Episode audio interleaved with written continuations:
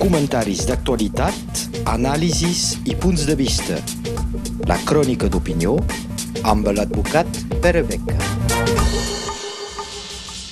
Aquesta setmana tenim amb nosaltres Pere Beca. Bon dia.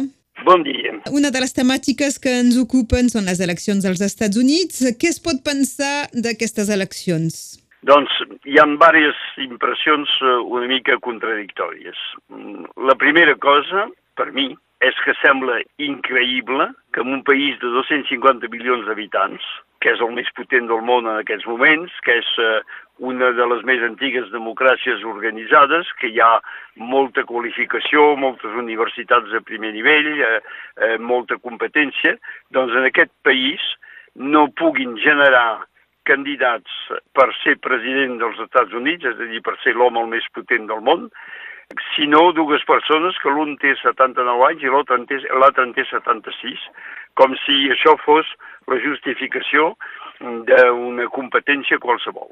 I a més, en el cas dels dos candidats o potencial candidats, el cas de Trump, sembla realment una caricatura de lo que pot ser la prepotència americana. Però també per Biden, que malgrat les seves qualitats i malgrat segurament la seva voluntat democràtica, té la seva edat i té les seves dificultats.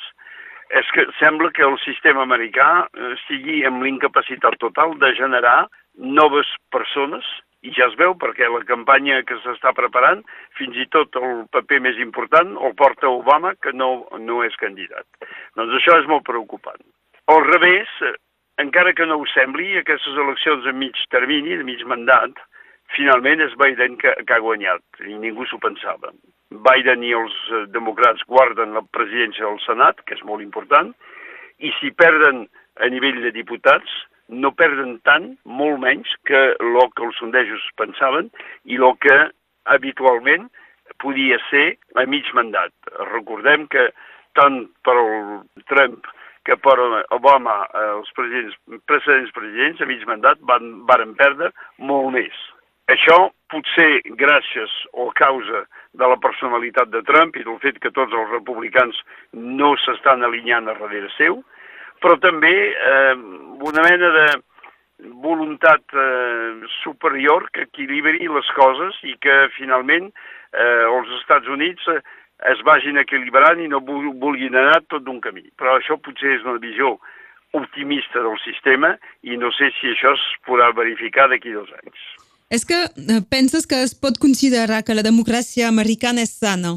Doncs jo diria no, malgrat tot, malgrat aquest resultat, no, perquè ja s'assisteix a un trencament de la societat americana, eh, una part d'aquesta societat, país més ric del món, però una gran part de la societat afectada per la pobresa, per les dificultats, eh, gent que estan deixada a la vora del camí en un país eh, amb molta prepotència de noves tecnologies, hi ha molta gent també, eh, i especialment en el món rural, que estan totalment apartats d'aquest moviment, d'aquesta evolució tecnològica. A més, es mantenen greus problemes racials. I doncs aquests han canviat una mica de naturalesa, perquè eh, la població d'origen africana, la població negra dels Estats Units, ha pres un gran protagonisme, que hi ha molts polítics que són d'origen africana, hi ha, molts, hi ha molta gent en el món econòmic que eh, han eh, pogut integrar aquesta societat i aquesta capacitat de decisió.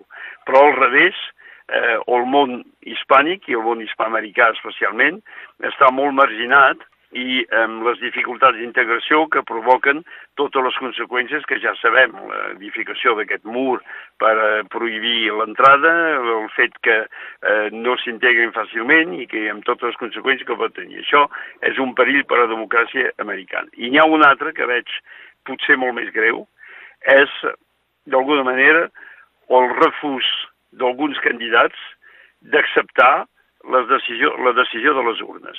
És a dir, que potser per primera vegada, eh, anteriorment amb Trump es va veure el 6 de gener del 2020, eh, es va veure eh, quan eh, la gent va entrar al Capitol i va eh, discutir el resultat de les urnes, que Trump continua discutint contra tota decisió judicial, tota aparència, continua discutint-ho. Però ara és pitjor, perquè hi ha alguns candidats, i especialment republicans, que públicament a la campanya electoral, abans que es voti, han afirmat que de totes maneres consideraven que els guanyadors eren ells i que tot altre resultat seria fals.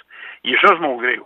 Això és molt greu perquè vol dir que gent que van demanar eh, els vots eh, dels ciutadans ja consideren que aquests vots no poden ser que a favor seu, i si no són a favor seu, és que hi ha un engany, és que hi ha hagut un problema. I això, en un país, a més a més, on les armes corren pel carrer molt fàcilment, és molt greu perquè pot generar situacions i generar segurament situacions que puguin ser dramàtiques. I quines conseqüències eh, pot tenir sobre les democràcies occidentals? Doncs això encara és difícil analitzar-ho perquè no se sap exactament com Biden podrà portar endavant la seva política. Però, per exemple, amb el cas de la guerra a Ucraïna, fins ara Biden ha decidit quasi sol d'ajudar Ucraïna, d'enviar armes, d'enviar logística, d'enviar material i d'enviar diners. I això ho feia sol perquè tenia la majoria eh, eh, tots, eh, totes les cambres. Ara serà segurament més difícil.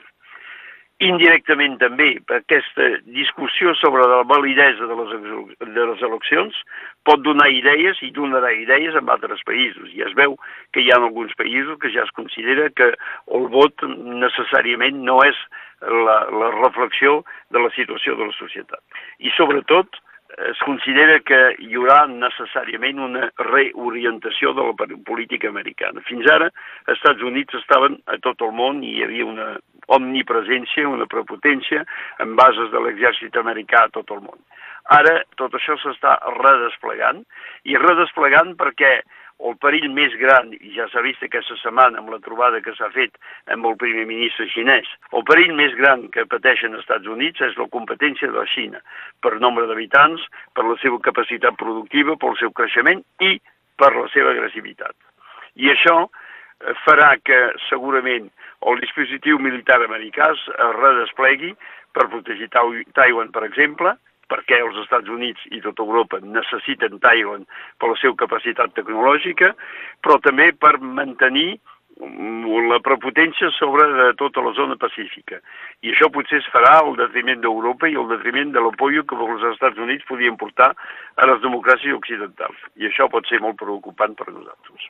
Això és el que podíem dir avui amb, en companyia del Pere Beca. Moltes gràcies.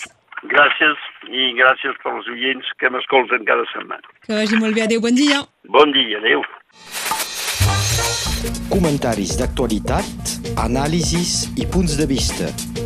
La crònica d'opinió amb l'advocat Pere Beca.